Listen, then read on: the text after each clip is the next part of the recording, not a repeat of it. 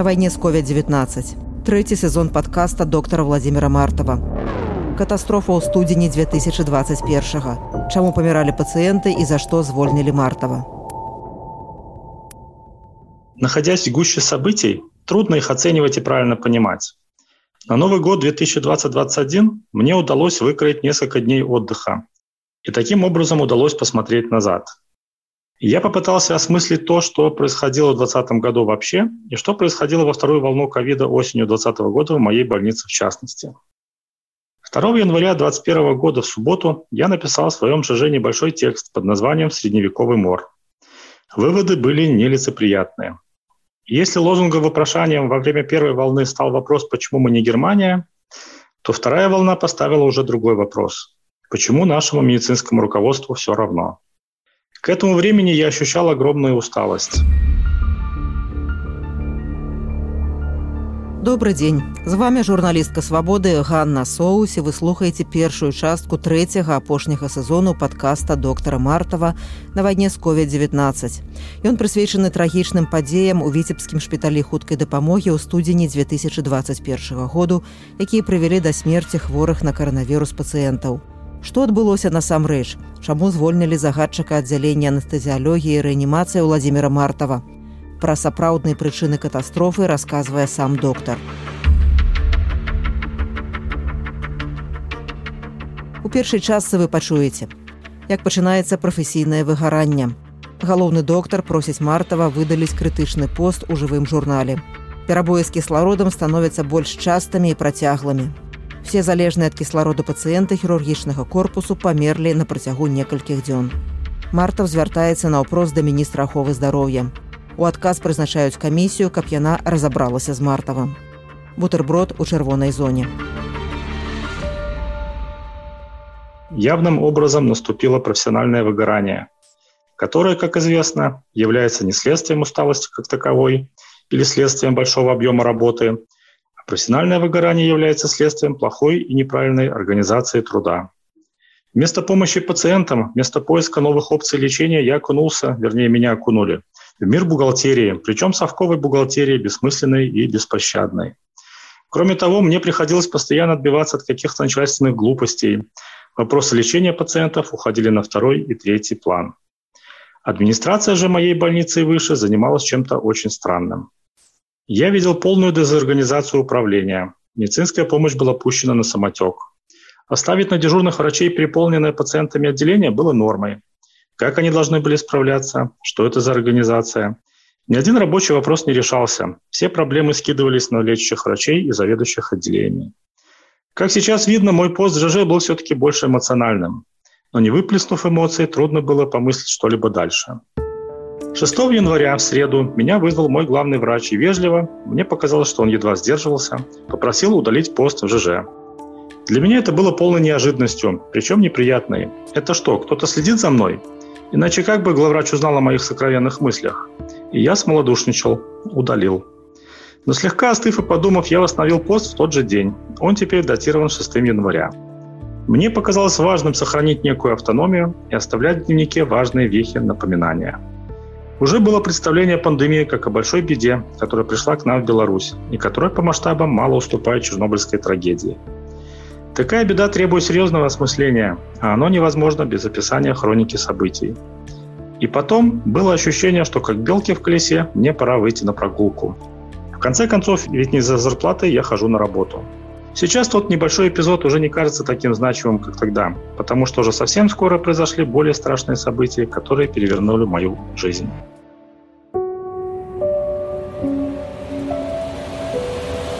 Мы вернемся да расповеду доктара мартава неўзабаве а я нагадаю што першы і другі сезон яго падкаста на вайне з covid-19 былі прысвечаны першай другой хвалі каранавірусу ў беларусі абодва сезоны даступны на youtube канале свабода прэміум і на ўсіх падкаставых платформах у Другая хваля COVID-19 супала з мірнай рэвалюцыі, якая распачалася пасля фальсіфікацыі вынікаў прэзідэнцкіх выбараў 2020 году і брутальных рэпрэсій уладаў.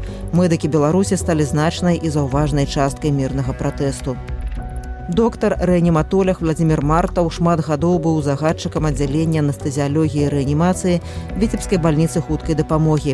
Адным з першых у Беларусі ён адкрыта расказаў пра рэальную сітуацыю з каранавірусам. Вясной 2021 году з лекарам не працягнулі кантракт, бо ён адкрыта казаў аб праблемах у медыцыне і ў краіне. У лютым 2022 году доктара арыштавалі на сем сутак забел чырвона-белы сцяжок на аватарцы ў фейсбуку. А мы вяртаемся ў Витебск у студень 2021 году. Придя утром на работу 8 января, я узнал от своих дежурных врачей о длительном и ужасно неприятном эпизоде с прекращением подачи кислорода в хирургическом корпусе накануне вечером. Смена была в шоке. Некоторым пациентам с ковидом, которым подавался кислород, стало хуже. Не успели мы обсудить эту проблему, было около 8.15, 8.20 утра, как внезапно снова случился новый длительный перебой с подачей кислорода в хирургическом корпусе. Следующие события вспоминаются как у Гарри Боя. Реаниматологи, из-за пересменки на работе был двойной комплект персонала, разбежались по всем четырем палатам. Пациентам на ИВЛ помочь было нечем. Аппараты просто вентилировали их воздухом. Улучшение их состояния не выглядело драматическим. Просто цифры мониторов показывали не очень живые параметры, а цвет их кожных покровов и слизистых стал чуть синее и серее. Совсем плохо было пациентам, которые находились на неинвазивной вентиляции с максимальной зависимостью от кислорода. Они начали метаться, переход с кислорода на воздух сопровождался у них приступом удушья. Потребовалась срочная интубация трахеи и перевод на ИВЛ сразу нескольких пациентов в разных палатах. Особенно запомнился молодой человек, парень, переведенный к нам из Браслова. Его перевозили к нам потому, что все-таки мы Витебск, в есть аппаратура и так далее. Несколько перебоев с подачей кислорода резко ухудшили его состояние. В конце концов, он не справился и оказался на ИВЛ. Через несколько дней он умер. Непрерывно звенела сигнализация. Врачи и медсестры метались от палаты к палате, пытаясь успеть хоть как-то помочь пациентам. Скорее облегчить страдания, потому что спасти их было невозможно. Перевод на ИВЛ пациентов с ковидом тогда означал билет в один конец. В ожидании смены примерно в 15.30 произошел третий продолжительный перебой с подачей кислорода в хирургическом корпусе моей больницы скорой помощи. Он как бы подвел итог всем нашим попыткам хоть как-то стабилизировать состояние пациентов. Снова беготня, героические усилия с нулевым результатом. Это были не первые перебои в подаче кислорода в моей больнице во вторую волну. Я это описывал во второй части своей книги. Эти перебои резко ухудшали состояние кислородозависимых пациентов.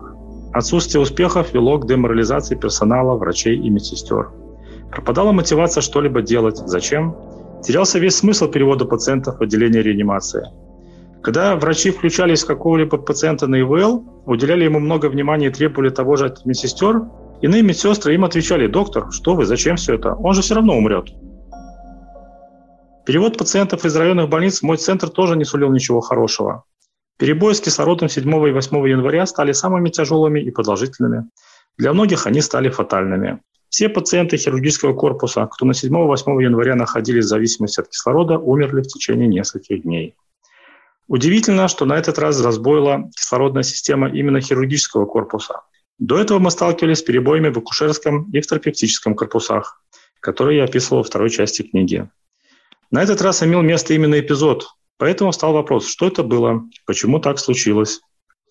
Администрация разводила руками. Перебои с кислородом воспринимались как ненастье, неприятные причуды погоды. Не помню ни одного разбора полетов с участием инженеров и техников-кислородчиков. Не было его и сейчас. У гэтыя дні ніводная дзяржаўная сМ не паведаміла пра трагедыю ў віцебску. Інфармацыі не было і на тэлеграм-канале міністэрства аховы здароўя. Пра смерці людзей грамадскасці стала вядома значна пазней. Дзякуючы таму, што пра гэта расказаў незалежным СМ доктор Мартаў. Я пришел домой с работы в совершенно разобранном состоянии. В чем смысл моей деятельности, всей нашей деятельности? Чуть остыв, я стал думать, что делать. Замалчивание проблем с подачей кислорода в больницах становилось совсем смертельным для пациентов. Кроме того, ко мне стекалась информация из других больниц Беларуси, что периодически подобные сбои с подачей кислорода происходят и там. И каждый раз они имеют итогом смерти пациента. Я вспомнил, что по-прежнему у меня оставалась возможность обратиться напрямую к министру Пеневичу через созданный им в сентябре 2020 года телеграм-канал. Вечером того же дня, 8 января, я написал ему письмо, где описал катастрофу с подачей кислорода в моей больнице. В конце письма я спрашивал, не слишком ли легко мы списываем пациентов. От имени Пеневича мне сразу пришел ответ «принято». А вось што ў гэты час адбывалася ў Беларусі ў свеце падчас другой хвалі пандэміі каранавірусу. Доктар медычных навук Святлана Сарокіна на сваёй старонцу ў Фейсбук апублікавала спіс медычных работнікаў, якія памерлі за час пандэміі каранавірусу ў Беларусі. У спісе было больш за 100 імёнаў. У каментарах да паста людзі дадавалі вядомыя ім імёны загінулых медыкаў. Мінздароўя Беларусі не публікавала статыстыку смерцяў ад COVID-19 сярод мэтработнікаў. Вялікай Брытаніі пачалася масавая вакцынацыя ад каранавірусу прэпаратам, распрацаваным кампаніяй астразенека і навукоўцамі Оксфордскага універсітэту. Тады ж у Англіі праз распаўсюд каранавірусу зноў вялі лакдаун. У еўразвязе ўхвалілі вакцыну ад каранавіруса мадэрна. Кітай не дазволіў прыехаць камісіі сусветнай арганізацыі аховы здароўя для вывучэння паходжання COVID-19. Злучаныя штаты перадалі беларускаму войску медычнае абсталяванне для дыягностыкі каранавірусу ва ўкраіне пачаўся трохтыднёвы лакдаун. На пачатку студзеня ад каранавірусу памерлі гісторык Леонид Лыч, мітрапаліт Філарэт, генеральны дырэктар Вітэксы заснавальных беліты Виктор Сярэшченко. О чем я думал, когда писал письмо Пеневичу? Неужели рассчитывал, что смогу сдвинуть с места эту безличную и равнодушную махину? Скорее, я тестировал систему с целью выяснить, на каком уровне она перестает быть медициной. Министр, еще в сентябре сетовавший на недостаток информации снизу, призывавший медицинских активистов остановить коммуникации с руководством, что он будет делать? Предпримет ли он попытку разобраться в ситуации и исправить ее? Возможность обратиться к министру напрямую позволяла протестировать систему всю целиком. Его реакция на письмо показательна. Судя по всему, последовал звонок вниз с втыком. Кто это его беспокоит снизу? Как посмел? Вы что, сами не можете разобраться? Письмо Пеневичу я написал вечером 8 января в пятницу. В понедельник, 11 января, моя больничная администрация уже стала меня игнорировать, а я по-прежнему заведовал отделением реанимации. А 13 января ко мне в БСМП прибыла очередная комиссия Минздрава. Как выяснилось позже, члены комиссии не были поставлены в известность о проблеме с подачей кислорода. Они вообще не понимали, зачем их направили в мою больницу, потому что они были в ней буквально перед Новым годом. Получив негласный приказ разобраться с Мартовым, они не понимали, что случилось. 14 студзеня міністр аховы здароўя беларусі дмітрий пеневич даў інтэрв'ю бт ён заявіў што беларуская сістэма аховы здароўя фінансуецца і функцыянуе бесперабойна при всех наших проблемах, которые мы сегодня обсуждаем с вами, в том числе в ковидной ситуации, система здравоохранения не дала сбоев. Это, э, полагаю, это самое основное, то, что мы должны сегодня обсуждать. Мы не тотально, но пошли э, перепрофилировать коечный фонд в обратную сторону. В Минске второй родильный дом заработал. Мы перестали госпитализировать в гинекологическую больницу. Аксаковщина, которая была этап долечения, реабилитации, наполовину перешел на работу на раннюю реабилитацию пациентов после инсультов, после операции на крупных суставах, после операции на сердце. Вот это самое мое, скажем так, вот здесь вот то, что греет меня как профессионала. Очень хочется заниматься той работой, которой мы занимались до пандемии. Тым часам камісія мінздароўя выявіла ў віцебскім шпіталі хуткай дапамогі парушэнні, пра які доктар Мартаў гаворыць з горкай іроніі. Обход членов комиссии по палатам реанимации красной зоны и высказанные претензии не выходили за рамки обычного. Но в конце обхода произошел смешной эпизод, который получил название «Бутерброд». Заглянув в ординаторскую, это такая комната, где сидят и пишут медицинскую документацию врачи отделения – Члены комиссии пообщались с врачами и уже было собрались уходить, как доцент-инфекционист Горбич вернулся со словами «А я все-таки посмотрю» и заглянул во врачебный холодильник. В холодильнике лежал бутерброд. Бутерброд в красной зоне. Мы были разоблачены. Впереди мог быть только расстрел.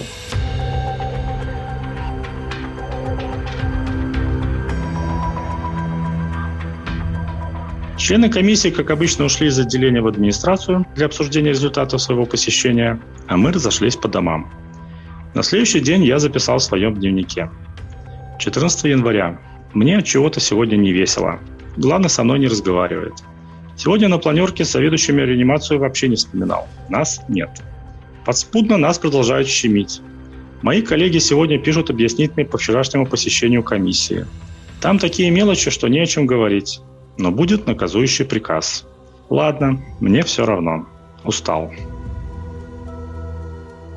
Устал уставать. Не хочется воевать. Надоело. Абстрактные мысли еще страшнее. Если бы я выступил еще раньше, не 12 ноября, а раньше, если бы люди раньше зашевелились и начали чинить старую систему подачи кислорода, сколько бы прекрасных людей могло выжить. По прошествии времени врачей моего отделения, но не меня, вызывали в отдел кадров и давали знакомиться со справкой по результатам проверки, не давая взять ее в руки. Про бутерброд писали отдельное объяснение. Меня в отдел кадров тогда не вызывали. Мои коллеги сумели секретно сфотографировать несколько страниц, и я смог прочитать, о чем там вообще шла речь. Из моего дневника. 1 февраля. Сегодня я и мои коллеги писали объяснительные опять по поводу комиссии Минздрава. Ждем наказующих приказов. Мне смешно. А у начальников, похоже, истерика. Им съезд проводить, им письмо профсоюзов подписывать, им всебелорусское собрание проводить, им кресло должности сохранить. Смешно, что справка комиссии Минздрава секретна. Ее не дают копировать. Ту самую справку, которая должна стать руководящим документом по исправлению недостатков. То есть пока медики продолжали сражаться с ковидом и старались помочь как можно большему числу пациентов, администрация занималась черт знает чем, о чем даже стыдно рассказывать. У наступнай частцы трэцяга сезону падкаста доктара Мартава на вайне з COVID-19 вы пачуеце. Марта ўдае медычным начальнікам апошні шанец. Ягоны шчыры ліст начальніку віцебскага аблздрава вішнявецкаму. Як выбітныя арганізатары аховы здароўя на пачатку пандэміі самаўхіліліся, а потым вярнуліся на начальніцкія месцы, як нічога не было. Доктор Мартаў спрабуе прадухіліць катастрофу з падачай кіслароду ў іншых шпіталях. Праца ў паралельнай рэальнасці.